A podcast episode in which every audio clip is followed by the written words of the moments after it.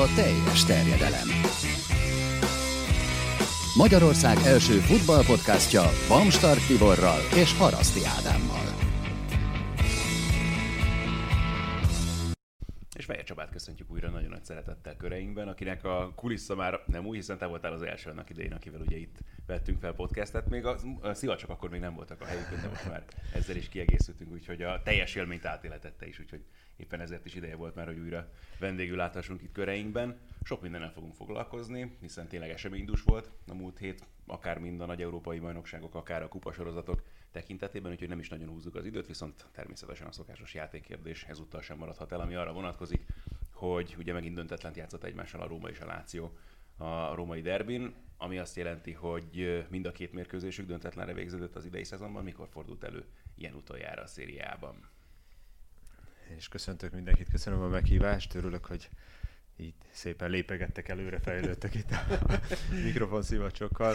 És a szokásos nehéz kérdés, mikor fordult? Volt már? Volt már ilyen? Csak volt, ugye? volt, volt természetesen. Hát azért olasz fociról beszélünk, tehát ja, hogy ott a döntetlenek ja, előfordulnak. Hát legyen tíz éve. Szerintem sem mostanában volt, tehát én azt mondanám, hogy valamikor a 90-es években, 98-at mondok csak úgy tippként, de mindig úgy alakultak egyébként ezek a római derbik, hogy valamelyik azért mindig eldőlt valahogy. Tehát a, ha kellett, akkor a 90. perc után de, de úgy emlékszem, hogy nagyon ritkán van olyan, hogy mind a kettő döntetlen. Tibi egy fokkal közelebb került az igazsághoz, de erre visszatérünk majd még természetesen. Hát, ilyenkor az lenne, hogy egyben megmondanád a választ. Akkor nem kéne hallgatni. Ez benne az igazán érdekes, de akkor kezdjünk viszont Angliában már csak Bocs, azért is. csak mielőtt kezdünk, szerintem nem tudom, hogy hogy vagytok vele, meg sok okosat nyilván nem tudunk mondani ezzel kapcsolatban. De... arra gondol szerintem, ami én is töprengtem egyébként. Igen, de szerintem kezdjünk Kobe Bryant-tel. Tehát uh, szerintem az ő személye az, az túlmutat a, a kosárlabdán, tehát hogy a, az egyetemes sport egy olyan, olyan uh, szereplőjét veszítettük el, aki ráadásul egyébként, tehát hogyha mindenképpen kapcsolódási pontot akarunk keresni, egy nagy foci rajongó is volt, Abszolút. ugye az AC Milánnak volt nagy szurkolója. Hát azt mindenképpen érdemes vele kapcsolatban tudni, hogy azt hiszem 7 évet éltek ugye az édesapjával Olaszországban, aki ott kosárlabdázott, és például tökéletesen beszél olaszul. Igen, úgyhogy hát ezért mondom, hogy nyilván okosat nem tudunk mondani, de hát, tisztelettel adózzunk. Csak a másik, amit az előbb én is mondtam, tehát hogy olyan szinten nem tudja befogadni igazából a, a tudatom ezt az egészet, hogy most is jelen időben beszéltem róla, hogy nekem így, így nem is igazán jutott el még a tudatom, így tegnap este így még olvasgattam aztán mindenkinek a megemlékezéseit vele kapcsolatban. Hát tényleg nagyon okosat vagy különlegeset nyilván nem tudunk mondani ezzel az egészben, de az egész ezzel kapcsolatban, de az tényleg biztos, hogy szerintem mindenkit megérint, akit minimálisan is valaha foglalkozott, csak a sporttal egyáltalán. Megdöbbentő tényleg tegnapi nap, vagy a tegnapi délután folyamán ugye izgalmas angol kupa mérkőzések, olasz rangadók, izgalmakkal, szép gólokkal és vízilabda győzelem, és akkor jön egy ilyen borzasztó hír, hát nagyon nehéz mit mondani, vagy egyáltalán felfogni, feldolgozni ilyen, ilyen rövid időn belül, de biztos, hogy óriási veszteség a sportvilágának. Hogy csak ennyit gondoltam, tehát nem, nyilván nem fogunk tudni semmi ennél értelmesebbet mondani, csak, csak hogy ne hagyjuk ki.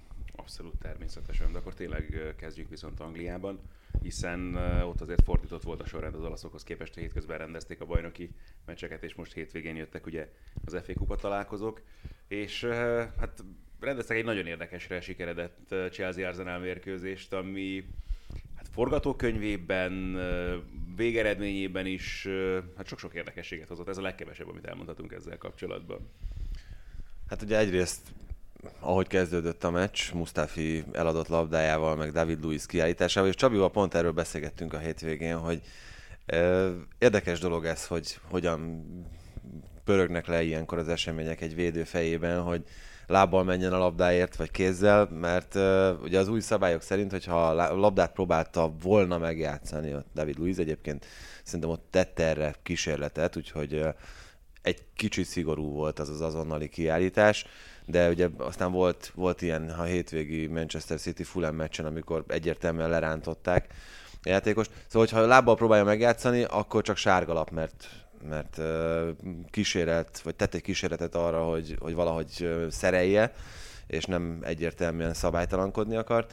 Itt ugye David Luiz esetében, meg az ő kiállítása esetében nagyon sokan gondolhatták, meg gondolhattuk azt, hogy eldőlt az a meccs, aztán, aztán az Arsenalban valahogy, vagy az Arsenalban valahogy beleköltözött ez a, ez a kicsit uh, újnak mondható mentalitás ezzel a küzdeni tudással.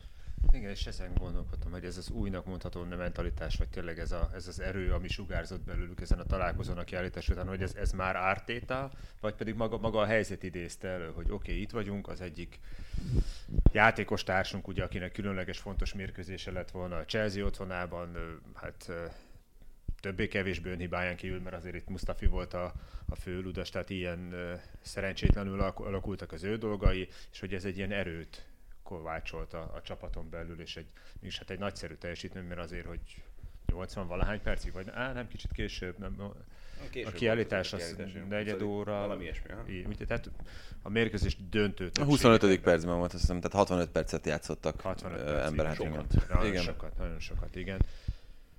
És hát, hogy kettő-kettő lett a vége, ez egyrészt az Arsenalnak a dicsérete, másrészt azért a Chelsea-nél is felmerülnek ebből a szempontból ismét kérdések, egy kicsit a helyzet kihasználás, egy kicsit, hogy anélkül, hogy pontos statisztikát tudnék, de a Chelsea nagyon-nagyon sok gólt kap az utolsó, mérkőzés utolsó harmadában, negyedében, és ez nagyon-nagyon sok pontjukba is került. Hát meg szerintem ami leginkább kritikaként fogalmazható meg Lampárdal szemben, bár nem tudom, tehát hogy ez ez nyilvánvalóan edzői utasítás. Az, hogy egy nullára vezetsz, emberelőnyben vagy, és egy szöglethez úgy állsz föl, hogy egyetlen embert hadsz hátul a felező vonalon, kantét.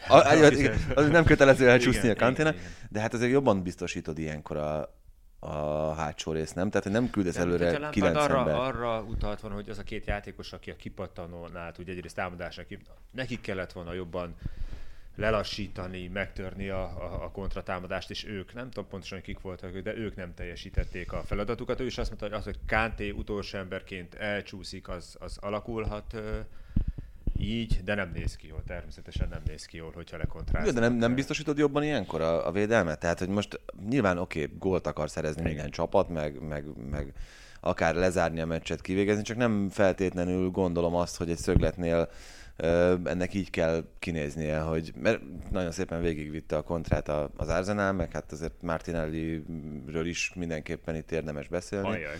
Még az ő sebességéről, meg arról a higgadságról, amit, amit a kapu előtt hétről hétre most már mutat.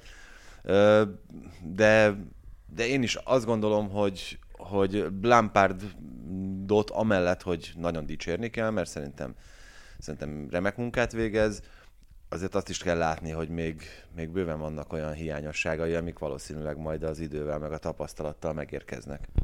Ezzel mondjuk nagyjából számolni is lehetett szerintem a szezon megelőzően, nem egy ilyen edző esetben. Hogy lesznek ilyen, sőt, sőt, tehát inkább azzal lehetett számolni, hogy jóval több lesz az ilyen hiba, mint a csapat részéről, mint Lampard részéről azért voltak eh, kérdőjelek. Én úgy gondolom, hogy mondhatjuk már most, hogy a Chelsea jobban teljesít, mint amit azt remélni lehetett tőlük azok után, hogy kizárták őket az átigazolásból és fiatal játékosokkal, újonc edzővel kezdték a szezont.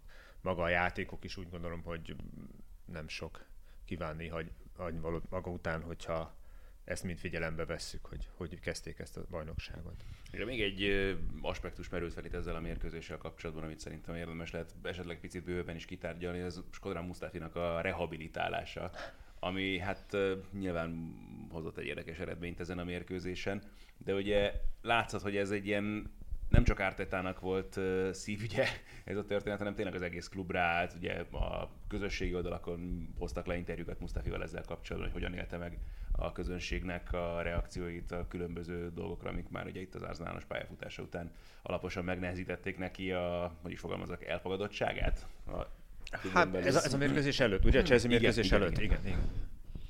Hát teljes joggal szerintem, mert azért Mustafi messze nem nyújt olyan teljesítményt a, az Arzenában, hogy nagyon megszeretesse magát a szurkolókkal. Öm, azért ez, ez kényszer pálya volt szerintem Ártét a számára. Nyilván Chambers hosszú sérülése, Sokratis betegsége, és egyéb olyan külső körülmények, amik, amik nehezítették. Ugye David Luiz most kiállították, tehát hogy ő mondjuk letöltötte az eltiltását most az FA kupában. De... Vagy ma este. Vagy letölti, igen. Hát akik majd kedden hallgatják, azoknak, azoknak mondtam, hogy a Bormus elleni meccsen letölti. Szóval, meg Aubameyang is lefogja a három meccses, de ez most végül is itt a védők szempontjából lényegtelen. Tehát, hogy kellett mindenképpen egy olyan, aki naturális közép. Hát én most én nem tudom, hogy Mavropán azt tényleg nem tudom megítélni, hogy ő milyen játékos. Valószínűleg csak Ártéta tudja, meg a játékos társak, akik együtt edzenek vele. Azt hiszem Holding is ott volt a kispadon. Talán. hold, így van, hát nyilván Ártetának ehhez azért jó szeme van, de hogyha már itt említetted azt, hogy hogyan építgeti az Arsenal a közösségi felületein a játékosait, vagy Mustafit, azért azt nem tudom, hogy mennyire figyelitek, azt elképesztő látni, hogy pár hét alatt, ugye most pont egy hónapja van állásban Ártéta a klubnál, hogy milyen személyi kultuszt építettek ki Ártéta köré.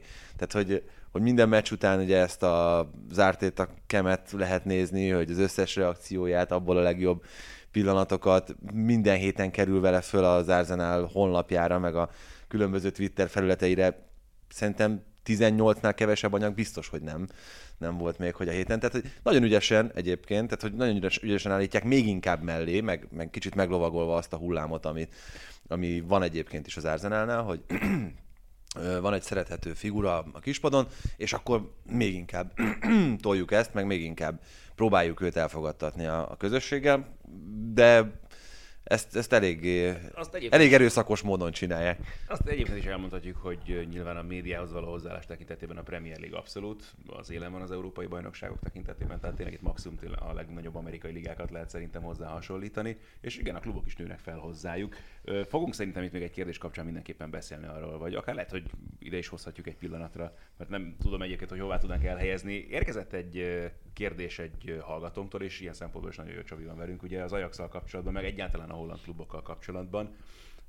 És itt a klubok saját brandjének építésével kapcsolatban ugrott most ez be. Nekem ugye ez összességében azzal kapcsolatos volt a kérdés, hogy mitől lehet az, hogy ugye, amíg még a 90-es évek közepén az Ajax ugye például bajnokok ligáját tudott nyerni, mennyire messze vannak egyáltalán a holland csapatok, hát még a Feyenoord is a 2000-es évek elején. ugye 2002-ből UEFA kupát, igen. tudott nyerni, szóval hogy ettől azért jelen pillanatban nagyon messze vannak az Ajax kivételével a holland klubok. Hát nyilvánvalóan a, a gazdasági hátteret nagyon nem szükséges feltétlenül olyan szempontból elemezni, hogy hányan élnek mondjuk Hollandiában, és milyen vásárlóerőt tudnak így képviselni, de hogy az Ajax azért kiemelkedik egyértelműen a holland klubok közül is, egyrészt nyilván gazdasági szempontból is, de szerintem brandérték szempontjából is. Tehát, hogyha tényleg Hollandiából kellene bárkinek bármilyen sportklubot mondania, nyilvánvalóan az Ajax ugrik be, és ilyen szempontból biztos, hogy ők állnak a legközelebb az európai top klubokhoz, vagy ilyen szempontból is, nem?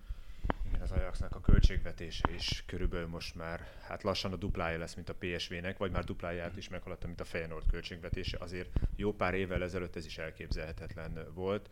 Amsterdamban Amsterdamban előre menekültek, tehát gondolok itt arra szintén gazdasági szempontból az egésznek az alapja nem meglepő itt ez a, a pénz, és, és ez mozgatja továbbra is a, a, szálakat. Tehát Fantasárik úgy döntöttek, hogy kockáztatnak, a Manchester Unitedból hazahozták Blindet, leigazolták Tadicsot, hatalmas pénzért fizetésekre, mind kivásárlási árra. Megtartották azokat a játékosokat, akkor még Frankie de Jong, Delikt, akik már piacképes labdarúgók voltak ugye az Európa Liga döntő és a menetelés után, és hát ez, ezt a kockázatot, kockázatot ők ezt vállalták, és nekik ez bejött. A bajnokok ligája szereplése bejött, tehát azok a fiatalok, delikték, akik andó mondjuk elkelhettek volna 50-60 millióért, azok most 80-90 millió plusz bónuszokért ö, cseréltek ö, klubot, igen, ám csak az idei évben viszont ez már elmaradt. Tehát, hogy egy Ajax is ezzel a, a költségvetéssel, amit tudtok, ilyen 100-120 millió euró körül van, semmi az angol csapatoké, csapatokéhoz képest, viszont Hollandiába kimagasló. Tehát ez a költségvetés sem elég arra, hogy, hogy rendszeresen évről évre bajnokok ligája csoportból tovább jussál, nem, nem jelent erre biztosítékot. És hát igen, most megint megjelentek a kérdőlek, hogy mi van akkor a bajnokságot. Valószínű, hogy meg fogják nyerni, a PSV Feyenoord egyre inkább leszakadt tőlük, a nemzetközi porondon már csak elvétve találkozunk velük, Feyenoord szinte soha a PSV-vel az Európa Ligában. Itt mondtad Egyre- ezt a kockázatot. egyre- Egyébként, hogyha most az Ajax tegyük föl, meg nem kívánom egy kicsit sem nekik, a következő három évben nem lesz rendszeres szereplője mondjuk a bajnokok ligája egyenes kieséses szakaszának, akkor ez a kockázat, ez túl erős volt, vagy amit, amit felvállaltak Van der Szárék, vagy ez már igazolódott azzal a tavalyi évvel, és Hát azért az a, az a hatalmas összeg, ami befolyt játékos eladásból elsősorban, meg a bajnokok ligája szereplésből, az úgy gondolom, hogy azért egy pár évig biztonságot nyújt nekik, de, de eljöhet az a... Tehát ez, hogy csak De akkor újra és újra kockáztatni kell, tehát, hogy, és akkor az nem biztos, hogy mindig be fog jönni, igazából ez, ez az, ami... Hát talán ekkorát nem tudnak kocká... vagy nem kell kockáztatni, de azt megint meg kellett lépniük, hogy ugye rengeteg játékos, az összes játékost el tudták volna adni, és hogy ezek a játékosok maradjanak a klubnál, és úgy maradjanak a klubnál, hogy elégedettek legyenek gazdasági szempontból is, fizetéseket kellett emelni. Tehát élő szerződéseket újítottak meg, jelentős fizetés emelések történtek, így tudták őket ott tartani. Ennek ellenére megint, vagy nem, most nem sikerült tovább jutni a, a csoportból, annyira nem látok bele az Ajax pénztárcába, hogy mikor jön el az a pillanat, hogy na, esetleg játékosokat kell elengedni. Jó példa a Eindhovenieknél, ugye PSV-nél Bergwijn rosszul szerepeltek az Európa Ligában, rosszul állnak a bajnokságban. Beszélhetünk róla is egyébként. Tehát úgy néz ki, hogy őt el kell, hogy engedjék. Óriási szükség lenne rá, de el kell, hogy engedjék 20 pár millióért a, a Tatanembe. Ez meg is fog történni szerinted? Ez meg is fog történni. Mm, valószínűleg igen. Egyébként pont arról beszéltünk Csabi, hogy nekem valahogy pont úgy jött ki mindig, hogy Bergwijn kevésszer láttam játszani, mert sérült volt egy csomószor, amikor, amikor ö, akár valami bajnokok ligája, akár Európa Liga mérkőzésen találkozhatnam volna vele. Amikor láttam, akkor nekem nagyon tetszett. Tehát ő azért egy nagyon, nagyon jó. Hát igen, jó játékos, és talán a legjobb játékos, de azért az megint, hogy holland bajnokságból, Angliába, Tottenhambe láthatunk jó pár futbalistát, aki, aki szenved az első hónapokban, sőt az első évében. Különösen a Tottenhamben. Akik Különösen a Tottenhamben, igen, igen. Bár most Mourinho Los Elszót nagyon, nagyon dicsérte, hogy... Meg jól is játszik. Jól is játszik. Tehát, hogy szerintem most az elmúlt de, de ő is az egyik legjobbja volt. Ő is kezdett, és ő azért, azért nem a holland bajnokságból érkezett. Tehát egy... Meg ő Pochettinónál kezdett nehezen, akinek ugye állítólag a külön kérésére került oda, meg tehát, hogy Los Elszóban biztos, hogy több van, mint amennyit eddig láthattunk tőle, szerintem akárhol, a Paris Saint-Germain meg a betis is ideértve. Az a kérdés, mert ugye ő Argentinában ilyen egészen elképesztő tehetségként robbant be a köztudatba, meg egy, egy nagyon univerzális, nagyon sokoldalú játékos. Nagy kérdés az, hogy ő, ő mondjuk képes lesz eljutni arra a szintre, amit, amit egyébként jósoltak neki, mert, mert ha igen, akkor a posztja egyik legjobbja lehet szerintem mert viszont maradjunk még a hétközi bajnoki fordulónál, már csak azért is, mert mindenképpen kell beszélnünk szerintem a Manchester Unitedről, meg egyáltalán arról a látványról, amit az Old Trafford nyújtott, ami szerintem még azoknak is hát nem azt mondom, hogy szívbe markoló, de hogy biztos, hogy megérinti, akik egy semmilyen szinten nem kötődnek a Unitedhez, nagyon furcsa megélni, megérni azt nekünk, akik abban szocializálódtunk, hogy a United az egyik legfontosabb európai erő, úgy unblock ehhez képest most... Burnley ellen 0-2-t? hát igen. 2-t is. Arra is gondolsz, gondolom, hogy a vége felé szinte már csak üres igen. székeket lehetett látni. Igen, nem láttuk még az Old Trafford székeit. Székeit, igen, igen, igen. Hát ez egyébként egy pár hónapja az, az Arzenálnál már megtörtént egyszer, és az is, az is hát borzasztó. Nem volt jó látvány, maradjunk annyiba, és hát ugyanez a Manchester Unitedra is igaz. Most, hogy ők elérték-e a mélypontot, és innentől kezdve csak felfelé, tehát a kupa mérkőzés alapján azért még nem vonnék le ilyen következtetést. Jó sparring partner. De, de nagyon nehéz, nagyon nehéz az egész. És hát, hogy Anglián belül is mennyire megosztó, hogy hogy alakulhatott ki ez a helyzet eh, Manchesterben a vörösöknél. Hát ez egyébként szerintem tehát pont uh, ugye, aminek kapcsán itt az Ajaxról is beszéltünk, volt ez a Diloy jelentés, amiben megírták azt, hogy az egyes klubok milyen bevétellel gazdálkodhatnak. Ugye a Manchester United ebben a tekintetben még mindig nagyon elő van, a Barcelona idén lépte át a 800 milliós határt, államhatárt, ugye korábban ilyen még nem, nem fordult elő. Csak ez szerintem tökéletesen jelzi azt, hogy azt a befolyó pénzt, azt az elképesztő mennyiségű befolyó összeget, azt el lehet költeni nagyon okosan, meg mondjuk eredménycentrikusan, meg el lehet költeni úgy, hogy mondjuk az nem feltétlenül párosul eredményekkel. És itt most nem a, a az egyéb eredményekre gondolok, mert gazdasági eredményei azért vannak a Unitednek, nem is rosszak. Itt akár, a, hogyha a marketing oldalt nézzük, akár azt, hogy olyan játékosokat szerződtettek azért a, az utóbbi időben nem egyszer, ugye itt most elsősorban mindenkinek persze Pogba ugorhat be, akik egyébként remekül eladhatóak, és ezáltal is mondjuk nő a klub népszerűsége. Itt pont a jelentés kapcsán a Juventusról írták azt, hogy micsoda növekedést okozott Cristiano Ronaldo megvásárlása. Szóval ezt szerintem ezt, ezt jelzi tökéletesen. Az egy nagyon érdekes dolog, hogy az angol sajtó azért nem volt szerintem nagyon ellenséges eddig a Manchester United-del. Valahol ott a Liverpool elleni meccs környékén kezdődött ez, tehát nagyon a közelmúltban az is, és itt betetőzött a Burnley elleni veresség alkalmával, hogy a közönség, a sajtó, a szurkolók, mindenki e, hihetetlen módon az egész klub ellen fordult, és itt, hogy a klub ellen fordultak, itt már ebben, ebben benne voltak a, a vezetők mellett, mert a vezetők ellen eddig is tüntettek, meg előkerültek a, a zöld-sárga sálak, meg, meg ami pár éve... Volt már, igen. Ez, ugye, ez egy nagyon nagyot futott, igen. Jó, mondjuk ott is azért a gazdasági érdekeket lehetett sejtegetni a háttérben, mert ugye nem a Manchester United hivatalos üzlete árulta ezeket a sálakat, hanem nyilvánvalóan egy ilyen szurkolói csoport találtak ki, és nekik ebből egészen jó bevételük volt, hogy a Manchester United eredeti színeivel ellátott meg logójával ellátott sálakat lehetett ott árusítgatni, nem hivatalosan egyébként, én, az én tudtam ma. Mindegy, tehát hogy ö, csak erre akartam utalni, hogy most, most valami megváltozott, és, ö, és ez, ez a változás, ez elsodorhatja a Szúsjárt meg, nem tudom, hogy a vezetőséget mennyire érintheti. Hát Szulsár személye, hogy meddig hát, tehát ő egy kicsit ilyen, ilyen pajsként a szurkolók és a, és a csapat között. Tehát jött Mourinho a megkeseredett, mindig panaszkodó Morgó Mourinho után jött egy fiatalember, aki a, a, a mi klubunkban volt sikeres játékos, és, és mosolygott, és az eredmények is, hát ami legfontosabb ugye, hogy jöttek az elején az eredmények. és hát most megint azt kell látniuk, tapasztalniuk a szurkolóknak, hogy ez, ez fogytán, ez a tudás, amit, amit a norvég fiatalember felvonultatott, felmutatott, ez, ez fogytán van, és azért, hogy ez, ez egyértelműen csak az ő hibája lenne, vagy ez egy hosszabb távú folyamat, az gondolom, hogy inkább a második az, ami, ami a helyes válasz. Nem erre. tudjuk nem ide citálni Ed Woodwardot, akit azért előszeretettel említünk ezzel az egésszel kapcsolatban, már csak azért is, mert nyilván Ferguson távozása óta ugye ő irányítja itt a klubot, mint első számú valóban ténykedő vezető, és hát jó néhány olyan döntése volt már azért, amin meglepődtünk mi is a korábbiakban. Szulsjár szerződés hosszabbítása is valamilyen szinten ide sorolhatod, az még egy nagyjából érthető dolog volt, ott inkább előtte a Mourinho féle kinevezés volt az, ami szerintem nagyon érdekes volt, de az biztos, hogy ő nem feltétlenül tett tanúbizonyságot arról, hogy a megfelelő ember erre a pozícióra szerintem is. Nekem ez furcsa, hogy ezt nem nagyon látják a klubvezetésnek, vagy nem akarják látni, vagy egyszerűen csak arról kell beszélnünk, hogy amíg a számok és a gazdasági dolgok rendben vannak, addig igazából a Glazer családot annyira nem érinti meg ez a történet.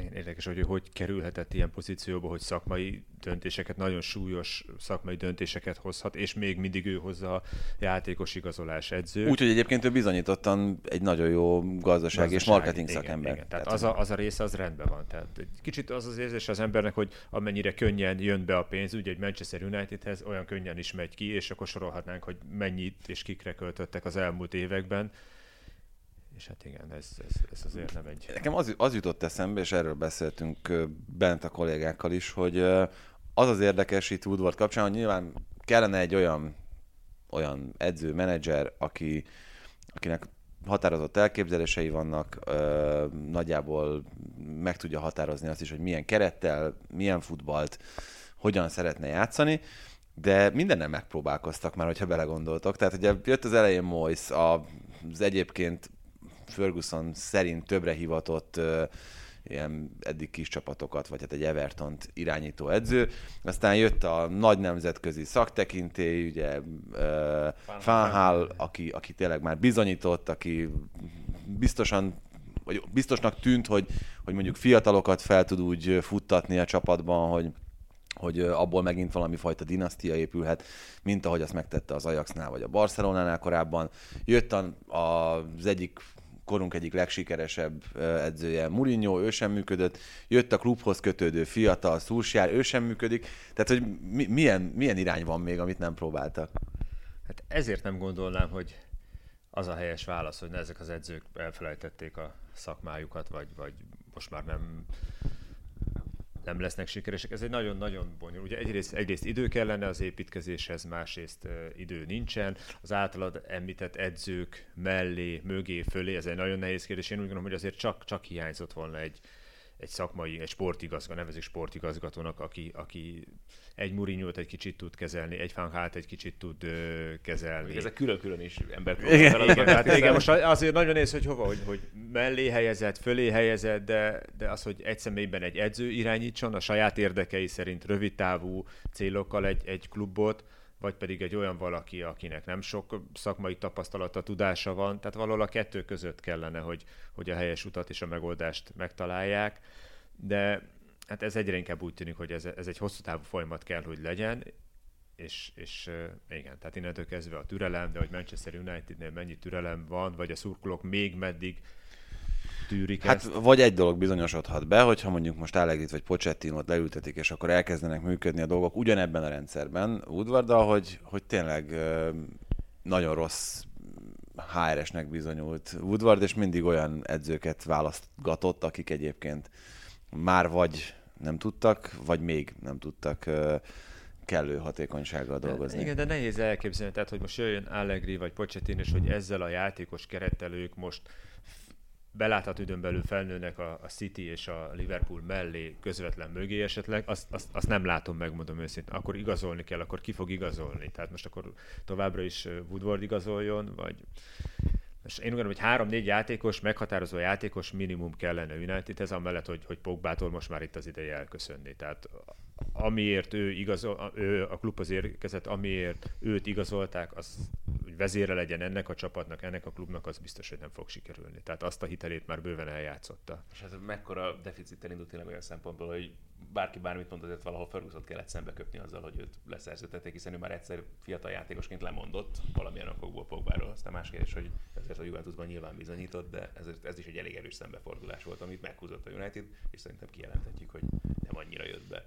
Hát egyetlen egy olyan időszaka volt Paul Pogbának, szerintem amikor kinevezték Szulsjárt, ott uh, utána abban a remek sorozatban nem tudom hány meccsen keresztül tartott, 10-11 meccsen keresztül, szerintem ott ő volt a csapat legjobbja.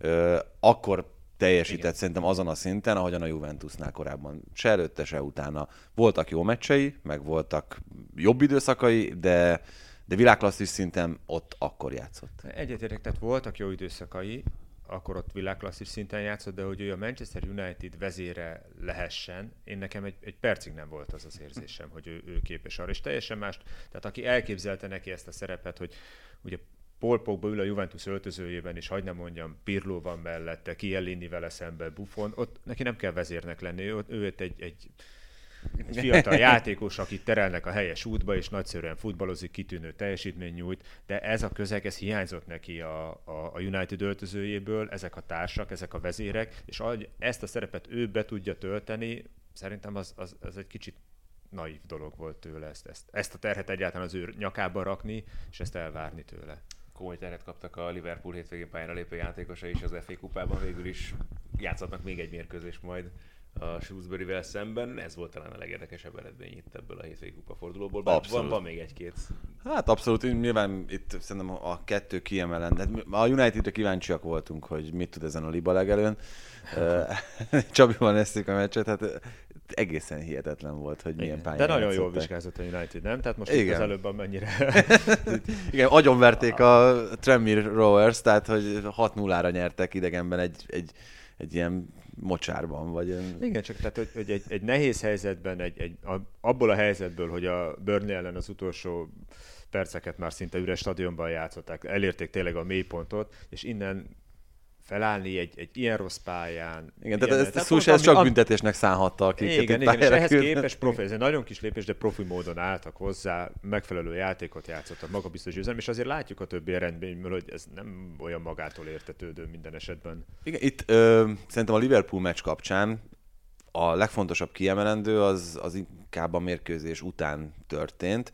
Ö, ugye 2-2 lett, ami egy ilyen csapattal, amiben az utolsó 10 percben lép csak pályára Szalám meg Firmino, akár, akár még elő is fordulhat meg. Hát azért bár nem úgy tűnik, de ebben a Liverpoolban is emberek futballoznak, még ebben a szezonban is, és, és ilyen megesik. Az egy nagyon érdekes dolog volt, amit Klopp mondott a, a meccs után, és ebben kíváncsi vagyok, hogy, hogy nektek mi a véleményetek.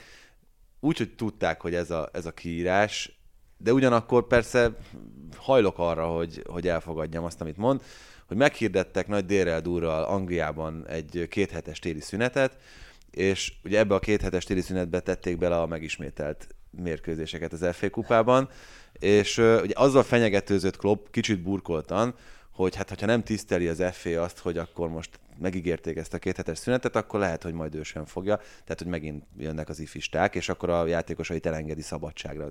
Ezt nem mondta így ki, de gyakorlatilag ezt lehetett kiolvasni szerintem a sorok között.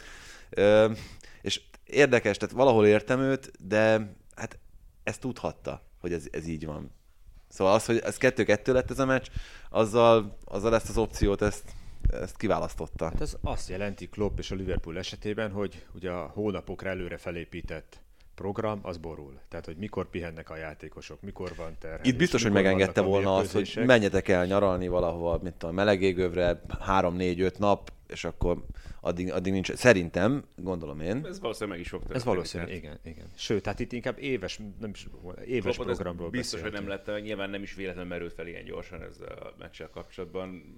Tehát, és kicsit szerintem saját magának akar csak mentséget találni ahhoz, hogy ezt nyugodtan Kicsit, kicsit a játékosra egyébként... haragudott, kicsit saját magára haragudott, és akkor... Jó, de szerintetek abban igaza van? Tehát én, én, én abban teljesen támogatom azt, amit ő mond, hogy a, az FA állatmódon állítja össze a menetrendet, de, de mit tud tenni? Vagy mi a, mi a megoldás? Hát, nyilván Guardiola is egyébként pedzegette ezt, hogy esetleg ezt az újrajátszós dolgot van. ezt el kéne felejteni. Hát, vagy, vagy lehet, hogy a ligakupát kéne elfelejteni, bármennyire is nem esik jól feltétlenül ezt kimondani. Nincs még egy olyan ország, ahol ezt ugye ennyire komolyan csinálnak, egyszerűen olyan méretű terhet tesznek a csapatokra ezzel. És csak az a néhány mérkőzés, az a, mint mondjuk három-négy meccs mondjuk az első osztályi csapatok számára, mennyivel kevesebbet játszanának. Már például itt akkor egy FA kupa újrajátszás szempontjából már lehetne segítség. Az meg a másik dolog, hogy igen, bármennyire is ennél még a Liga kupánál még szebb és érdekesebb hagyomány nyilván az újrajátszás az FA kupában, de 2020-ban... Igen, itt a hagyomány és az észszerűség. Tehát, Guardiola egyébként javasolt egyet, pont itt a Fulham elleni sajtótájékoztatón azt mondta, hogy még koncentráltabb és még jobb lenne a Premier League, hogyha a létszámot csökkentenének a ligában. Egyébként ezt, ezt kérdezzük meg a kedves hallgatókat is, hogy ők hogyan, hogyan oldanák föl ezt a... Hát... Ja, tehát most az, az a kérdés, hogy, hogy komolyan vehető lenne-e mondjuk egy Premier League ugyanennyire komolyan vehető lenne, hogyha 16 csapattal játszanának. Tehát ez egy kicsit olyan de furcsán... Ez, igen, de az egy, szerintem az egy több éves folyamat. Tehát egyik évről a másikra nem lehet. De mondjuk, hogy azt mondják, hogy az FA kupát úgy írnák ki, hogy döntetlen esetén letesszük a labdát és lerúgjuk a 11-eseket. Szerintem 10-ből 8 edző az, az aláírna. A kisebb csapatok, akik esetleg egy, egy bravúros döntetlennel kiharcolják azt, hogy na, mehessenek Liverpoolba, Manchesterbe, az is lehet. Londonban meccset szem... játszani? Hát igen, hogy játszanak ott most. Tehát nekik hát, az hát, nagy dolog, hogy most elértünk egy döntetlent, mm. és az utalmunk, hogy mehetünk a Liverpool stadionjába. Itt, itt hogyha is, jól tudom, itt... akkor amit meséltél a bevételről. Igen, tehát a... hogyha jól tudom, akkor itt még mindig ugyanaz van, mint ami a, a múltban, hogy a két csapat az FA kupában osztozik a bevételen. tehát ami a jegybevételből bejön, az fele-fele. Hát most gondoljátok el azt, hogy a, az Old Traffordra megy valaki újra játszani egy meccset. Most nem a Wolverhampton, mint ahogy az előző fordulóban történt, de mondjuk egy Tranmere Rovers, oda kell, hogy menjen az Old Traffordra, hát nyilvánvalóan olyan jegybevételnek kapja meg a felét, ami nekik az éves költségvetésük. Hát, csak az egyáltalán, hogy a játékosok egyáltalán eljutnak. Így van, de arról meg nem is beszélve. A szurkolók, a játékosok, hogy ez nekik milyen élmény. Csak hát ez, ez egy, tehát ilyen, egy ilyen csapatnak, mint a Shrewsbury Town, hát láttátok, hogy milyen ünnepés volt tegnap utána a pályán? Hát el, berohantak a nézők meg, mint hogyha bajnoki címet ünnepeltek volna nekik ez lehet szerintem a legfontosabb. Ez, ez sokkal jobb, mint hogyha megverték volna a Liverpoolt, hogy még mennek az Anfieldre, és akkor ott is játszanak egy meccset. Biztos, hogy foglalkozni kell a kérdéssel. Nem véletlen, hogy ennyi edző panaszkodik, és ami még szomorúbb, nem véletlen, hogy ennyi sérülés van, és itt egy kicsit hozzácsatolnám. Tehát ez a decemberi őrült program, hogy itt, itt, itt két-három naponta mérkőzéseket játszott. Tehát nem tudom, hogy ez, ez van-e értelme annak a mondatnak, hogy amikor a tradíciót meghaladta az idő? Tehát, hogy, hogy régen ez jól nézett ki, amikor nem voltak ilyen íramú mérkőzések, nem volt ennyire... És a hatodik újrajátszáson dölt el. Újrajátszások, Afrika kupáról még beszélhetnénk, ugye, hogy megint áthelyezték Igen. az időpontot. Nem tudom, hogy ez meddig tartott. Érdemes lenne összeszámolni, hogy most itt a december elejétől mondjuk január végéig mennyi és milyen súlyos sérülés fordult elő az angol csapatoknál. Fogunk még kupahagyományokról beszélni, szerintem Olaszország kapcsán is, de mielőtt oda mennénk, egy picit tekintsünk is Spanyolországba, és már csak azért is, mert Kikeszetjének nem tartott sokáig, mire begyűjtötte az első vereségét a Barcelona vezetőedzőjeként. Nem volt feltétlenül egyszerű feladat nyilván a Valenciával idegenben megmérkőzni, de azért mégis kicsit gyorsnak érzi az ember, hogy már És hogy rögtön a Real megelőzte őket, ugye az is. Igen, három pontos Nem előny. mondanám, hogy jobb gyorsan túlesni rajta. és akkor ezt... Hát nem, azért ez így fájó, igen, hogy a Real rögtön kihasználta és, és előzött.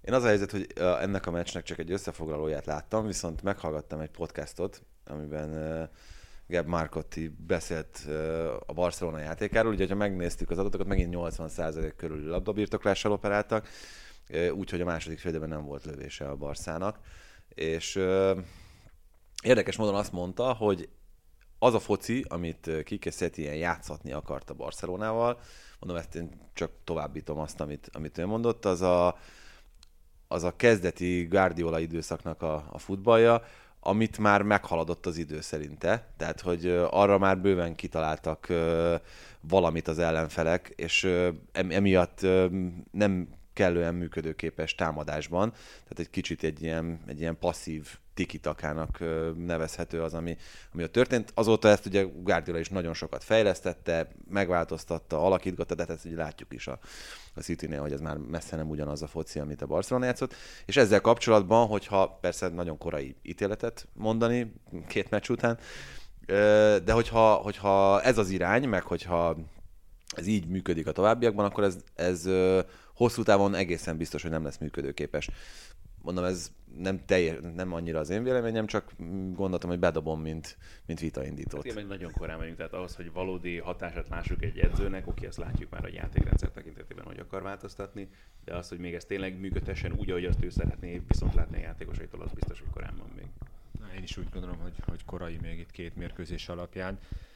Meg hát arra is visszagondolunk, hogy azért Guardiolának is voltak rosszabb meccsei, Valverdének is bőven voltak rosszabb meccsei, de mindig volt és van, és még lesz is, és az a kérdés, hogy meddig lesz egy Messi, aki, aki nagyon sok mindent kompenzál, és nagyon sok mindent eltakar, és majd mi lesz a Barcelonával, hogyha, hogyha egyszer nem lesz, nem lesz az ő messziük, aki... Az biztos, hogy, hogy Suarez nincsen most egy darabig, gyakorlatilag majd, hogy nem. Hát a szezon hajrájáig semmiképpen ezt nyugodtan fogalmazhatunk így, de lehet, hogy érdemes azért ennél is óvatosabban beszélni ezzel kapcsolatban, már csak itt például Billy Orbán sérülésével kapcsolatban is tudjuk, hogy mennyire tudnak pontosan jósolni az orvosok ilyen esetekben. Szóval kell oda valakit hoznia mindenképpen a Barcelonának még ebben a hátralévő néhány napban, ami van az átigazolási időszakból. Hát ilyen típusú, ugye beszéltünk erről, hogy ilyen típusú játékosa nincsen, mint Suárez, úgyhogy nem ártana, hogyha valakit mondjuk az a kérdés persze, hogy azt a minőséget, azt, azt tudják-e pótolni, amit Suárez jelent. Azon napoztam, hogy azt a minőséget kell-e pótolni, mert ez is egy érdekes kérdés, mert odaigazolsz em, csiliárd összegért valakit, aki, akit utána félreteszel, amikor Suárez visszatér, az sem egy, egy feltétlenül jó politika.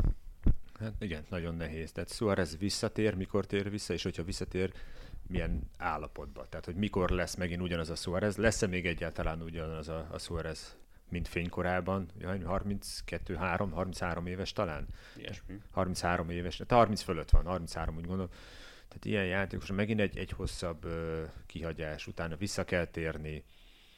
Na, hát nagyon. Én is úgy gondolom, hogy igazolni kell, de egyetértek Tibivel, hogy nagyon nehéz, hogy kit igazolsz. Ugye ott is voltak azért komoly mellényúlások, itt Dembelére gondolok elsősorban, aki nem váltotta be, és nem is fogja beváltani azokat a reményeket, amivel ő érkezett a katalánokhoz.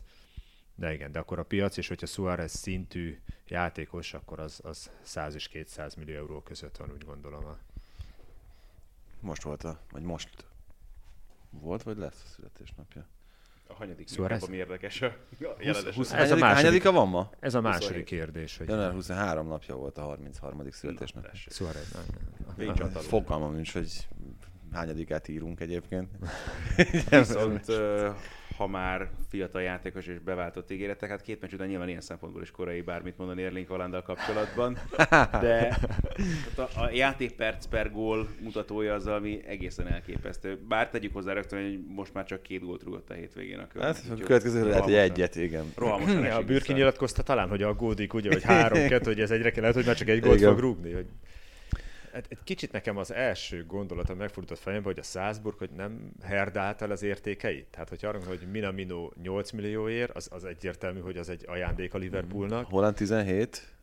Hát 20, 17, 20 20, környéke, igen. 20 Aha. de hát már most 50-et ér. Tehát már most vagy többet, minimum vagy 50-et. többet, vagy Elmondta, azt többet. hiszem, igen. ugye ö, záradék volt a szerződésében, hogyha minden igaz, ami, ami miatt. Hát Minaminónak is igen, tehát egyértelmű, hogy ez, csak hogy, hogy ugye nagyszerűen kezdték a, De a ahhoz képest, tehát nyilván nagyon sokat dob ezen a dolgon, hogy a bajnokok ligája szereplés az egyértelmű. Ha itt csak arról beszélnénk, hogy oké, okay, megint az Európa Ligába mentek, mit tudom én, sokáig, ugye volt elődöntős is, nem is olyan nagyon régen az Európa Ligában is még az Salzburg, és láttuk, hogy akkorát akkor nem dobott a játékosainak az értékén, tehát valószínűleg az Salzburgnál sem számoltak azzal, hogy akár ez ilyen gyorsan eljuthat ilyen Igen, de amikor, amikor elkezdték a BL-t, és rögtön az első mérkőzésükön a, a Genket verték meg, azt hiszem. Igen, Igen, és ott a Mester igen, igen, hármas. akkor utána Szoboszlai a gólt. Igen. Tehát, hogy, hogy ott, ha nem is mind a kettő, de legalább az egyiket és lehet, hogy voltak, te nem lehet tudni, lehet, hogy voltak a háttérben ilyen irányú próbálkozások. De ennek ez a hogy játékos menedzsere is valószínűleg úgy Ne, van ne, hogy igen, de akkor ott is Hát nem, hát a- igen, Hát Hollandnak ugye a Faterja volt a menedzsere akkor, amikor még a Salzburg szerződtette. És utána ki lett? Hát azt nem tudom. Rájóla. Ja, ja igen? Most már Raiola- utána ott már nehezebb dolgok volt. Ja. Csak hogy Hát állítanak... Rájóla tehát- előbb, előbb észle, vagy előbb kapcsolt. De hihetetlen, hogy, hogy ezeket hogyan, hogyan tudja meg, hogy kire érdemes tenni. Biztos vannak azért neki is mellényúlásai, de, de tényleg az, hogy már 17 éves korban nem lehet elbújni Mino Raiola elől, az... de és ott, ott ugye ez volt állítólag, hogy ö, elég komoly, meg hosszas húzavona után ö, szerződtették le Hollandot, és a, az édesapa ragaszkodott ahhoz, hogy legyen benne ez a, ez a kivásárlási záradék, és ebbe ment bele a Salzburg egyéb kompromisszumokkal együtt. Úgyhogy... Tehát el tudom képzelni, a kettő egy kicsit sok, tehát hogy mind a kettőt ilyen abszolút nyomott áron ö, kellett, hogy elengedjék, de el tudom képzelni, igen, hogy Ez mondjuk, tehát nekünk legyen ellenére. mondva nyomottáron, Nyomott szóval ez, jó, persze. tudnánk, mit kezdeni magyar Pont ezt klubként. mondani, hogy, hogy ahhoz képest amennyiért megvették őket, meg amennyit beléjük fektetek, ahhoz képest meg jól jöttek ki belőle. Nyilván lehetett Persze. volna ez, ebben a helyzetben, de mondtad, ez egy pár hónapos történet Isten igazából. Vagy éve. így van. Igazából azt kell fölmérnie szerintem a Salzburgnak ebben a, ebben a történetben, hogy ugye nagyon régóta vágytak a bajnokok ligája szereplésre, és hogy a bajnokok ligája, tehát amit, amit te is mondtál, Csabi, hogy, vagy, vagy te mondtad az előbb ezt az Európa Liga szereplést? De hogy, hogy az nyilvánvalóan nem a nagy színpad, úgy, mint ahogy a bajnokok ligája. Itt a bajnokok ligájában, hogyha valaki jól teljesít, az annak mit tudom én, 8-szoros, 10-szeres felhajtó ereje van. Kell szerintem olyan szempontból látni, hogy itt nem csak az Salzburgról kell beszélnünk, hanem az egész energiaital koncern és a mellé épített egyéb, nem is csak marketinges, sok minden más. Hát nem, hát ez már. hihetetlen, igen. Tehát ez egy, ez egy olyan rendszer, ami, ami, ami elképesztő, hogy hogy működik. Csak ez tehát tanulság, hogy nem történhet még egyszer meg, hogyha jól dolgoznak, hogy egy sikeres bajnok, mert azért ez egy sikeres bajnokok ligája szereplés az ő szintjünkön, a sikeres bajnokok ligája szereplés után a két legjobbnak mondható játékosod, és akkor Apró pontosan pénzért. 30 millió euró alatt. Jó, viszont innen kezdve ők is másként néznek már a menedzserek szemében, amikor arról beszélünk, hogy akkor ez az áradék, ez mennyi legyen abban a bizonyos Igen, szerződésben, igen, mert igen. attól függetlenül, hogy most a bajnokok ligájában voltak, azért még mindenki, hogyha a játékosként oda kerül, fiatal játékosként, tehetséges játékosként azért még előrelépési lehetőségként tekint az Salzburgra, és nem végállomásra alapvetően. Egyébként most, tehát visszatérve Hollandra, szerintem ez az ötödik gólja volt a legszebb eddig, az, amit onnan az alapvonalról ö, rúgott be. Ö, egyébként meg nem is tudom, kihez hasonlítanátok stílusában őt, mert, mert ez tényleg ez az igazi lesipuskás csatár. Lesipuskás, de erős is, Horváth de... Feri. Ki az most? Horváth Feri. Plusz 15 kilóval. ne, nagyon nehéz. Nagyon. Tehát, hogy nem tudom, kicsit, kicsit nekem mondjuk Vieri. Vieria. Akkor már a testalkat, akkor már egy fokkal közelebb. Hát ö, testakat meg ő volt az, aki egyébként ott mindig, mindig olyan jól egerészett a, a 16-oson belül, meg ha kellett, akkor Nyilván, messziről is. Lesi Puskás, akkor Inzági, tehát az nem... Jó, de hát a, tehát az felépítése meg Hát nagyon távol vannak jó, hát egymástól. Igen, ilyen játékos, aki egy kicsit lesipuskás, aki mellette nagyon erős, de azért Meg lő távolról is, ha kell. szinten, és hogy érzi, hogy, hogy, hogy hova pattan ki a kapusról a labda, és még, még a kombinációs játékban is abszolút használható, tehát nagyon-nagyon nehéz. Kombinációs játék kivétel, meg mondtam volna esetleg Van Nistelrooyt ilyen szempontból, hogy Van Nistelrooy. Igen, mondjuk Van Nistelrooy ő volt az, aki egyébként ugye mielőtt is már Angliába került volna, már olyan számokat produkált Hollandiában, amire hasonlóképpen kaptuk fel a fejünket. Igen, neki talán annyiban volt más extrája, még hogy ő, ő vagy nem tudom, hogy Holland az, az ebben majd hogyan fog teljesíteni, hogy ő a darálóban egy kicsit, kicsit már jobban teljesített, de lehet, hogy ez abból is fakad, hogy rutinos tapasztalat Ezek volt. közül ugye itt elhangzottak, nem, melyik az a játékos, ki az a játékos, aki ennyi idősen már itt tartott. Tehát, hogy Hát a, olyat nem tudom, hogy találunk-e. Vagy hát nagyon nehezen fogunk, az nagyon biztos. nehéz. Most itt, itt, itt már Ronaldo, a A- brazil Ronaldo, igen, vagy, hát vagy igen. Igen, o- olyan, ilyen helyeken kell keresgélni. az eredményesség. A játék, játék azért nem, ott, ott azért elfogult vagyok, én legalábbis Ronaldo irányába, de az eredményesség, hogy egy Bundesligában Igen. így kezded a szezont. Igen. Ha már itt tartunk egyébként, érdekesen alakultak az eredmények máshol is a Bundesligában. Egyrészt hát engem az lepett meg, hogy a Bayern ennyire simán lépte le a sálkét, mert azért ebben a sálkében én többet láttam az eddigiek alapján. A másik ugye az, hogy kikapott a Lipcse, aminek köszönhetően megint még tovább szorosodik a helyzet ott az élen. Egészen elképesztő, hogy milyen izgalmas az idei szezonban a Bundesliga. Remélem, hogy az is marad, mert most nyilván azért szerintem Lipcsében is megijednek egy kicsit a, kicsit a szurkolók. Ott is volt egyébként ugye egy érdekes váltás, és akkor majd ezzel kanyarodhatunk Olaszország irányába is, azzal, hogy Demme Demme? alatt a, a Lipcse. Engem ez is meglepett egy kicsit, nyilván, hogyha azt nézzük, hogy 28 éves, azt hiszem Diego Demme, ez már nem az akkor, ahol a Red Bull konszern csapatai játékos szoktak szerződtetni. De mégis egy olyan játékosról beszéltünk, aki meghatározó tagja volt ennek a Lipcsének. Most nyilván nem kell ennek a szállájára írni ezt a vereséget, de azért ez még itt lehet, jelenthet itt kellemetlen dolgokat majd a csapat számára későbbiekben. Hát, meg hogy Demme mennyire komplett és jó játékos, azt szerintem tök jól jelzi, hogy az első két Napoli meccsén kezdő volt, és jól is játszott szerintem. Úgyhogy hát nagyon sok szempontból érdekes szerintem ez a Demme átigazolás. Egyrészt, hogy, hogy a Napoli milyen irányba tart, tehát hogy az, hogy ők készjátékost vettek, azzal, azzal is valami fajta célt deklaráltak. Ö, olyat, hogy olyat, aki a bajnokok ligájában nem játszhat, azzal is. Te, tehát, hogy, hogy szerintem ezek is mind- mind-mind ilyen jelzésértékű dolgok, meg azzal is szerintem valami fajta demonstrációt láttunk, hogy, hogy Gattuso igen, az első perctől játszatta mind a kettő meccsen, két rangadón, mert ugye a kupában a Láció ellen, meg a bajnokságban még inkább a Juventus ellen rangadót játszott a Napoli. Mindenképp érdekes, eh, hogy a, a elengednek egy meghatározó játékost, amikor harcban vannak a bajnoki címér, de csodálkoznék, hogy eh, ha ez nem annak a tudatában történt volna, hogy már tudják, hogy ki fog, ki fog ott játszani. Ki az a, ki az a ez fiatal 19 éves? Hát, Egyébként nem mész nagyon messze, hogy a Tyler Adams nem sokkal idősebb ennél, aki lehet majd valószínűleg ott hosszú távon a megoldás. Igen, tehát hogy ezt, ezt így összehangolni, hogy csúcsértéken eladjuk a meghatározó játékos, de már tudjuk, hogy ki az, aki rövid időn belül őt, őt pótolni tudja, de azért ott van az a, baj, a bajnokok, vagy a bajnokságban, Ez hogy a, ez a nagyon furcsa nekem, hogy, hogy ezek szerint még akkor lehet, hogy a klubvezetés sem abban gondolkozik ebben a pillanatban, hogy nekünk tavasszal rá kéne mennünk a bajnoki címre, mert tényleg elsőként fordulsz rá a szezon második felére, és elengeded az egyik meghatározó játékosodat.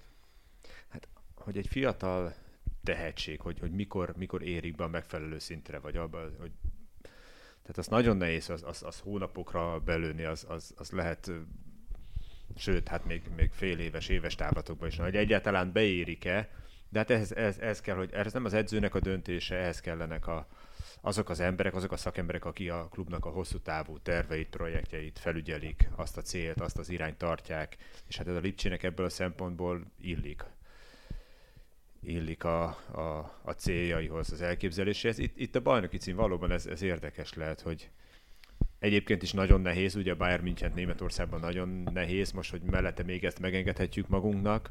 Hát ezzel kapcsolatban tényleg csak annyit jut eszembe, hogy ö, szerintem nagyon próbálnak figyelni arra a Lipcsénél, hogy tényleg szépen lépcsőnként haladjanak fölfelé, és erre a szezonra ugye Gulácsi mondta többek között, hogy az volt a cél, hogy valahogy, ha sikerül, akkor tovább jutni a bajnokok ligája csoportból, ez összejött, meg hogy a top háromért versenyben legyen ez a csapat. Ennél többet nem feltétlenül akar ez a Lipcse. Talán emlékeztek, emlékszünk arra, amikor feljutottak, és mindjárt az első szezonban szenzációsan teljesítettek, és akkor ott az, az volt a kommunikáció a, a klub részéről, hogy ez mindenkit meglepett, és nem is gondolták, nem is akartak még ilyen magasságokba jutni. Ö, én ezt a tudatosságot, ezt folyamatosan látom, és érzékelem. A kérdés csak abban vetődik föl bennem, hogy akkor, amikor a Bayernnél egy ilyen átmeneti időszak van, mert azért nyilván még ez tart ez az átmeneti időszak, ezt nyugodtan kijelenthetjük, már csak Hansi Flick edzősége is szerintem ebbe az irányba egy, egy jelzés, akkor nem kéne rámennie a Lipcsének jobban erre a lehetőségre. Vérszagot, hát nem, tehát van. hogy lesz ilyen? Há, igen, mert, igen, mert a Bayern az azért egész. még mindig egy nagyon-nagyon jól, okosan gazdálkodó klub, amelyik értelemszerűen ö, fog ennél, ennél magasabbra kerülni, akkor lehet, hogy nehezebb dolga lesz a, a Lipcsének, hogyha itt bajnoki álmokat dédelget. Hú, az csak tényleg csak egy rövid félmondat, hogy Álvaro Rodriguezolával szerintem nagyon jót húztak, így most kölcsönbe jött ugye itt a szezon második felére a Reálnál kicsit érdekesen, furcsán bellőzött. Az a helyzet, hogy, hogy Rodriguez annyira keveset láttam játszani, talán a válogatottban, ez létezik, Mhm. ugye, hogy, Abszolút. hogy, hogy ott, ott, de annyira keveset láttam játszani, nem, nem tudom megállapítani vele Hogy kapcsolatban. nyilván Kárvál szemében van egy olyan posztárs, aki eléggé bejátszotta magát, meg az érthető, hogy őt nem fogják kitenni, de azért lehet, hogy ennél több lehetőséget érdemelt volna, de tényleg mehetünk is tovább szerintem Németországból, akkor valóban most már Olaszország irányába, hogyha már érintettük ugye itt a kupa mérkőzéseket is, és akkor ráfordulhatunk akár a, erre a bizonyos római derbire és a Juventus Napoli mérkőzésre is. 2002-2003 volt az utolsó olyan szezon, amikor mind a, kettő döntet, ö, mind a két római derbi döntetlenre végződött, Fabio Capello, illetve Roberto Mancini volt két vezetőedző még akkor a római kluboknál. Ez a mostani eredmény, mennyire soroljuk a... Hát megszakadt egy óriási sorozat a Lációnak, ezt gyorsan hozzá kell tenni. Hát és ennek nyilván egy római derbin kellett megszakadnia. Nagyon jól játszott a Róma szerintem. A szezon egyik legjobb teljesítményét nyújtotta, ezt szerintem talán nem túlzás kijelenteni. Mindezt ugye egy kupa kiesés után. Mindegy, kup, mindezt egy kupa kiesés után, egy nagyon sima kupa kiesés után, ugye a Juventus ellen, és ö, mindezt úgy, hogy, hogy azért a Láció önbizalomban, meg, meg az elmúlt hetek formála, formája alapján nem tűnt könnyen megfoghatónak a Róma számára. Zanioló nélkül, úgyhogy szerintem ez a meccs ez most inkább állt a, a, a Rómának, mint a Lációnak. Ezzel együtt még azért mindig, mindig kell zengeni ezt a dicsimnuszt a Lációról. Igen, ezzel egy, ki az, akinek, melyik csapatnak van jobb érzés, hogy ugye ez a döntetlen, ez, ez ki az, aki hát elégedettebb ezzel az egy ponttal, és akkor azt gondolom, hogy a Láció, nem? Mert a, a mérkőzés képe alapján a Rómának jó esélye lett volna három pontot gyűjteni, és akkor érdemes a kapusokról beszélni. Hát minden, mind a azért kettő itt- gól hatalmas kapus Igen. hibából született, hogy Strakosár nem tudom, tényleg a rokonok elé jött, amikor, amikor Dzeko elcsúsztatta fölötte. Hát ez a másik, ez a Paul López, ez meg tényleg ez ilyen Pickfordi, mint a Liverpool Elképesztő. Evertonon a, a gól az utolsó pillanatban. Ez az ide paskolom, oda paskolom, aztán jön nem, nem Acerbi, és tudta eldönteni, hogy ő most kiüsse szögletre, de az úgy túl egyszerű lett volna, megpróbált valamit kihozni belőle. De én úgy gondolom, hogy még lehet, hogy ha, ha nem ér bele utoljára, akkor Smalling lehet, hogy még kifejeli a gólvonalról labdát. Még arra is lett volna igen, hogy esély, ott nem, nem nyúl vissza. Igen, igen, igen, igen, ott ugye. Ez is jó kérdés lett volna, hogy mikor volt olyan utoljára a római derbin, hogy két ilyen komoly, mert azért Sztrákosáé is komoly kapus. Igen, és úgy, hogy egyébként két szerintem meg egészen jól teljesítő kapus, mert Paulo Pezzel sem húzott rosszat a Róma, főleg itt az Olsen ére után, és hát Strakosá meg, meg most már nagyon hosszú ideje egészen magas színvonalon teljesít. Úgyhogy ez, ez tényleg egy, egy érdekes dolog. Arról, arról beszéltünk pont tegnap bent Bán Tibi kollégámmal, hogy, ha végignézünk ezen a Láción, akkor mondjuk, hogyha megnézzük csak a kezdőcsapat játékosait, akkor hány olyan van, akit ti el tudnátok képzelni alapemberként az öt további öt legerősebb olasz csapatban.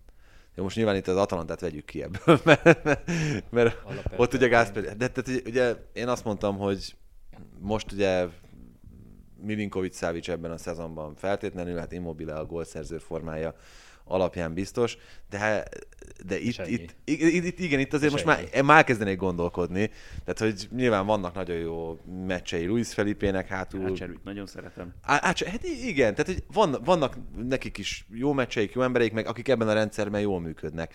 De Tácserbit ezzel nem tenném be a Juventus védelmének közepére. Jó vagyok azért, hogy a Delikt mostanában Igen, jó, mondjuk így hogy, így, hogy ennyi sérültje van, így lehet, de nem tenném be például a Napoli védelmének közepébe se, hogyha ott van Manolász, meg Kulibáli, meg az Inter védelmének közepébe, Godinnal, Skriniárral, meg De Freyel, tehát hogy, hogy uh, érdekes, hogy így tudja ezeket az eredményeket produkálni a Láció.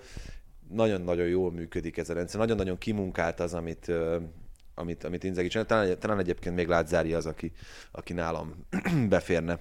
De Bármelyik csapat. Inzaginek is hányadik éve ez most már a Lációnál? Tehát, Van most már jó. Sokadik, hát ugye Pioli után vette át, és, Nézem, és nagyon szívesen. úgy volt, hogy az első fél szezon 2007-ben. után elmegy, és akkor Bielsa aláír, de aztán mégsem. igen, tehát hogy igen. Az áll, megint az állandóság, hogy, hogy, hogy húzom. 2016 óta ő a vezető. 16, úgyhogy most már negyedik hát az, éve. az a mai futballban az már. Hát halljaj, halljaj.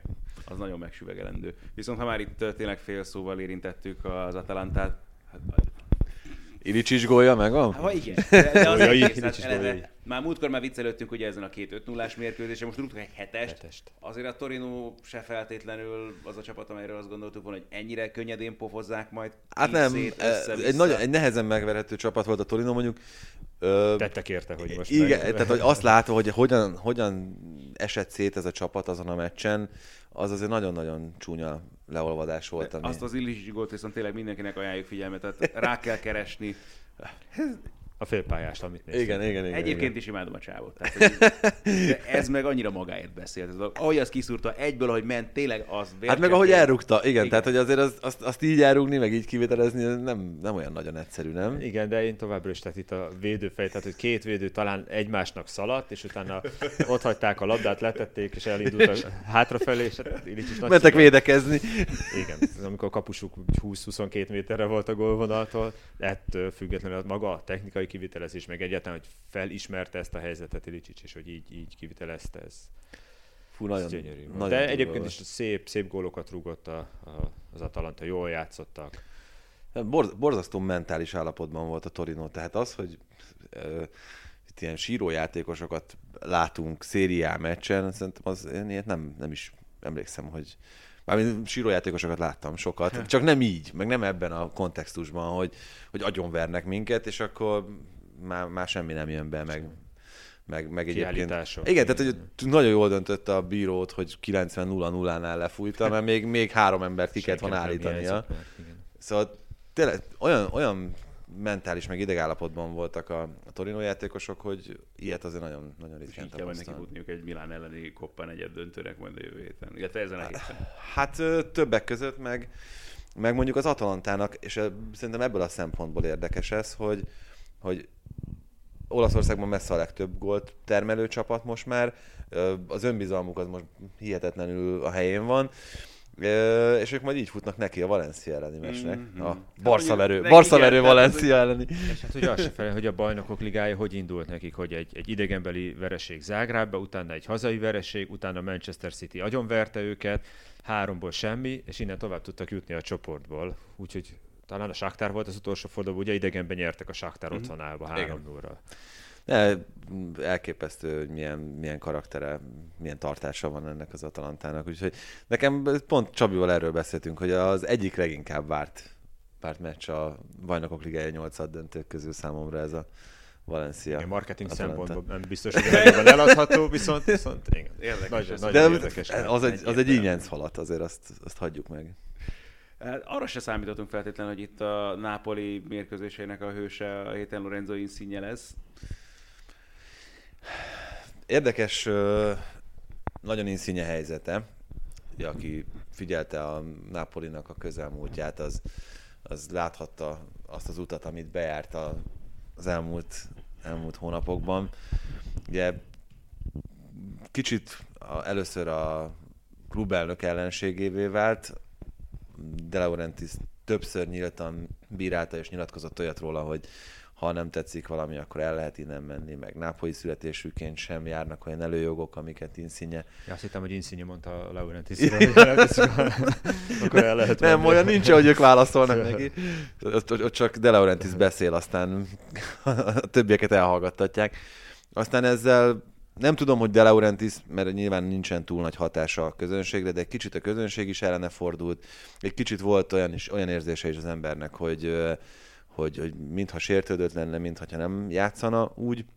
Ugye aztán Ancelotti elkezdte lecserélgetni, kihagyogatni egyre többször, de talán nem emlékszetek rá, hogy, hogy már itt a szezon elején sokat beszéltünk erről, a, erről az Insigne Ancelotti, meg az Insigne Napoli konfliktusról. Megérkezett Gattuso, aki teljesen más irányból kezdte el építgetni Insinyét. A legfontosabb játékosom, nálam mindig játszik. Egyébként Szárinál is ilyen volt Insigne, tehát hogy a Szári is ezt többször elmondta, hogy, hogy ő képtelen kihagyni Insinyét, meg hogy neki ő a, ő a világsztárja, meg a stb. És azért uh, Insigne elég jól, szerintem elég jól reagál erre a, erre a simogatásra, most már, most már sokat szor. Uh, azzal kapcsolatban benne mindig vannak kétségek, hogy, hogy ő, ő valóban mondjuk egy világklasszis szintű játékos-e, ahogyan azt sokan mondják róla, mert nem emlékszem olyanra, hogy nagyon húzamos ideig, akár nemzetközi mércével mérve kimagaslóan teljesített, viszont tud olyat szerintem, amit, amit nagyon-nagyon kevesen tudnak a, a jelenlegi világfutball élmezőnyében is, úgyhogy inkább, ja, inkább a szakértőre nehéz. bíznám magam. Ja, nem, ez nagyon nehéz eldönteni, hogy Insigne egy másik csapatban, egy másik városban mire lenne képes, és, és mire jutna az hogy, ő tudásával. Hogy visszafogja őt Nápoly, vagy, hát, vagy fölemeli. Szerintem mert... most történt meg először, hogy visszafogta őt, őt Nápoly. Ugye ez az Ancelotti, Laurentis, menjünk edzőtáborba, nem menjünk. Tehát ott azért tőle mindenki azt várja, hogy hogy foglaljon állást, hogy, hogy válaszol egy oldalt, hogy akkor kinek a... Miközben ő állítólag nem egy vezértípus, ezt mindenki mondja róla, hogy, Igen, hogy de... Mertens sokkal inkább az öltöző Igen, vezére. alapján már, már vezérként tekinthetnek rá, nem? Tehát, hogy, hogy igen, tehát azt mondják róla, hogy, hogy egy nagyon... Tehát ő nem teheti meg, hogy csendben maradok is, hogy, hogy, hogy ne foglaljon állást egy ilyen szintű vitába. Ancelotti megtette, oké, okay, akkor odébb állok, és akkor megyek az Evertonba. Most Insignétől ez, ez, ez, ez nem várható. Igen, azt mondják róla, hogy egy nagyon vicces, visszahúzódó, egyébként visszahúzódó fiú, aki, aki sokkal inkább most nem megbántva őt nevetség tárgya az öltözőben, mint, mint egy olyas valaki, akinek a, akinek a szavára hallgatnak, mert hogy röhögnek a nápoi dialektuson, ahogy beszél, meg, meg ő egyébként sem hogy olyan, aki kiáll középre és szónokolni fog. Igen, de jól 163 hogy... centével nyilván keveset mondtam, de tehát azzal nem is erre predestinálja. hogy ő és Ellen voltak, akik kiálltak Ancelotti mellett, hogy, hogy Mellette meg igen, persze, persze. Igen, igen, igen, igen. Ők kapták a legnagyobb büntetést. Legalábbis ebből erre lehet következni. Nagyon nehéz. Mit jelent viszont ez az eredmény egyrészt a Napoli, másrészt meg a Juventus számára? Egy fokkal talán azt gondolom, hogy a Juve tudja ezen könnyedebben túllendíteni magát, a Napolinak viszont nagyon kellett egy ilyen eredmény. Hát a Napolinak sorsfordító lehet, az, az biztos. Főleg úgy, hogy ugye Szári először ült a kispadon Napoli elleni mérkőzésen, mert az első meccsen még, még össze tüdőgyulladás hát, miatt. Nápolyban.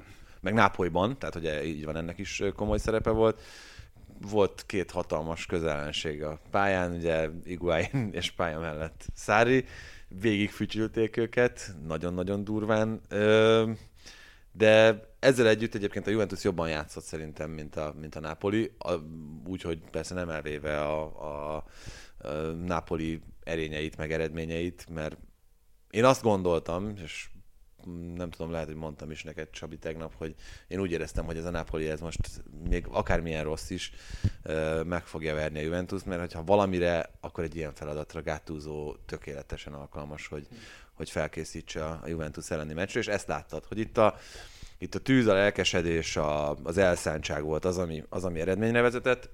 az egyébként lényegesen magasabb minőséget, jelen pillanatban lényegesen magasabb minőséget képviselő Juventus ellen. A Napoli szempontjából valóban ez fontos, sorsfordító lehet. A Juventus szempontjából túl sok jelentősége szerintem nincs, három pont az előny. Független szurkolóként azt mondom, hogy ez nagyon-nagyon kellett az olasz bajnokságnak, viszont hogy ne menjen el a Juve 6 ponttal. Talán ez lehet, hogy egyértelműen nagyon, nagyon jót tett az olasz bajnokságnak, hogy nem sétálva nyeri a bajnokságot a Juve, de nekik, tehát fel kell készülni arra, hogy ez most egy, egy komolyabb tavasz lesz, hogy azért itt vannak, mondok itt elsősorban az Interre, aki, aki veszélyt jelenthet a, az ő, hát, ő... Főleg így, hogy keretbővítésen esett, tehát az Inter, és már, már gólpaszt is adott az új ember. Néz ki, hogy jól sikerült a keretbővítés. Hát meg zajlik a további keretbővítés is, ugye a hírek szerint ráadásul. Ugye most, amikor leültünk, arról beszélünk már, hogy orvosi van Eriksen. Orvosi van Eriksen Milánóban. Ha minden igaz, akkor, akkor ma talán be is jelentik, és holnap bemutatják? Valami ilyesmi menetrend szerint. Ö... És azért az elég erős, erős addíció, azt gondolom. Lenne a világ bármely csapata számára, az Internek meg ez most nagyon sokat dobhat. Hát az a durva, hogy Csabival nagyon sokat beszéltünk erről, hogy ö, milyen, milyen fizetése van Eriksennek. Ugye 75 ezer font volt, most, hogyha igazak a hírek, akkor fontra átszámítva 260 ezer lesz az Internél. Jó, mondjuk elég olcsón sikerült megszerezni, tehát abból, abból igen, lehet. Igen. Tehát ez a Tatanemnél ugye beszéltünk a Salzburgnál, hogy, hogy Végre a helyére kerül Eriksen fizetésben is. Végre, igen. Tehát, hogy 75 ezer, amikor ő a hátán vitte most kis túlzás alatt Tottenhamet, abban az időben Mesut Özil 300 ér ült a padon, Alexis Sanchez 400 ezer ült a padon, akkor, tehát, akkor már komolytalan odász, és azt mondod, hogy megduplázom a fizetésed, és igen. pont akkor felét kereseted, mint Özil a padon. Tehát ez nagyon nehéz helyzetbe hozhatja a klubot is, a játékost is, erre sokkal előbb kellett volna reagálni. Eriksen, vannak kételj, megmondom őszintén, hogy Olaszország kitűnő játékos, de hogy ő meg tud-e újulni, lesz Ne, még nem az kell, hogy, az, az Eriksen? nem az kell, hogy, tehát most itt a fizetés egy dolog, de az, hogy valaki úgy kezelje őt, meg valaki, egy, meg egy ligában úgy kezeljék őt, én nekem az, az volt az érzésem Eriksennel kapcsolatban, hogy ő soha nem kapta meg azt az elismerést. Angliában sem, Pochettinotól nyilván igen, de Talán most senki mástól. is, talán igen, is, igen. a- De nem, nem kapta meg azt az elismerést, ami neki járna. Tehát annál azért sokkal jobb játékos, mint ahogy Sokkal egyébként a közvélemény gondolja. Van. Tehát ennek a Tottenhamnek az utóbbi éveiben A mondhatjuk, hogy a legmeghatározóbb és Így van, így van. Még kénnel együtt is, meg mindenkivel. Csak ő már előtte is, hogy Kén berobbant volna Igen. már. Igen, de akár is, tehát nem azt jelenti, hogy pénzéhez egy játékos, de hogy telnek az évek, és te, és te még mindig a, a huszadát keresed mondjuk a, a valós értékednek, hogy, hogy, hogy azért ott már ő is idősebb lesz, gondolni kell a családja, most ez buta rosszul hangzik, hogy gondolni kell, ez olyan, mint hogyha nem, nem tudna. De, de tehát, hogy ez, ez nem, nem arányos, hogy olyan játékosok, akik sokkal rosszabbul teljesítettek, vagy egyáltalán nem teljesítettek ö, semmit, a sokszorosát keresik, és ő is tudja, hogy na hívnának innen, ott annyit tudnék keresni, hívnának onnan, és akkor ez egy, egy anyagi megbecsülés, hogy itt Persze, lesz, tehát hogy van egy persze. szakmai, azt szerintem megkapta Pochettinótól, Mourinho-tól, de hogy anyagilag is, hogy maga Nagyon jól elismeri a játék. ezek a szavak, csak közben pontosan, tehát amikor még csak nem is az, hogy konkrét, mert nyilván nem arról van szó persze, hogy bármiféle kenyér kellett volna, hogy ilyen probléma lett, egész egyszerűen az, a tudod, hogy tisztában vagy Persze. azzal, hogy ahhoz képest, ami hogyan te teljesítesz, és hogy képest, mert ez meg a másik, hogy játékosok is azért eléggé tisztában vannak, meg a menedzserek is segítenek szerintem abban, hogy up to date legyenek azzal kapcsolatban, Persze, hogy mi, persze. mi a piaci értékük, ilyen szempontból is, ami a saját fizetésüket illeti. Meg Szóval ezek, ezek, felülni ezeknek a valahol. nagy része azért nyilvános a topligákban. Tehát, hogy ö, nyilván többnyire ilyen reported ö, kategóriába esik, de de akárkivel beszéltem eddig, a, főleg olyanokkal beszéltem, akik Olaszországban játszottak magyarok, ők mindenki azt mondta, hogy igen, hát amit a Gazetta megírt, az pont annyi volt. Az úgy volt. Úgyhogy Úgyhogy amit mi mondtuk, az is pont úgy volt. Ezt nyugodtan vehetitek készpénznek. Ahogy azt is, hogy természetesen majd a jövő héten is jövünk. Csabinak nagyon szépen köszönjük, Köszönöm hogy szépen ismét is. eljött hozzánk, és arra biztatunk továbbra is mindenkit, hogy akár a YouTube-on keresztül, akár a különböző podcast felületeken, mind a Soundcloud-on, mind a Spotify-on, mind az iTunes-on, vagy bárhol, ahol elértek minket, iratkozatok fel, Léci. Meg podcastre. értékeljetek. És értékeljetek, így van, mert ez nagyon sokat segített, főleg az, hogy tényleg jó látni, hogy azért egyre több érdekes, jó, komolyan vehető podcastet lehet most már Magyarországon is hallgatni nagyon sok témában, úgyhogy egyre nehezebb nekünk is megmutatni magunkat ott a különböző toplisták ellen, úgyhogy légy segítsetek nekünk, hogyha tudtok, és köszönjük szépen persze, hogy ezen a héten is meghallgattatok minket. Sziasztok! sziasztok! Sziasztok! Ez volt a teljes terjedelem. Magyarország első futballpodcastja Bamstart Tiborral és Haraszti Ádámmal.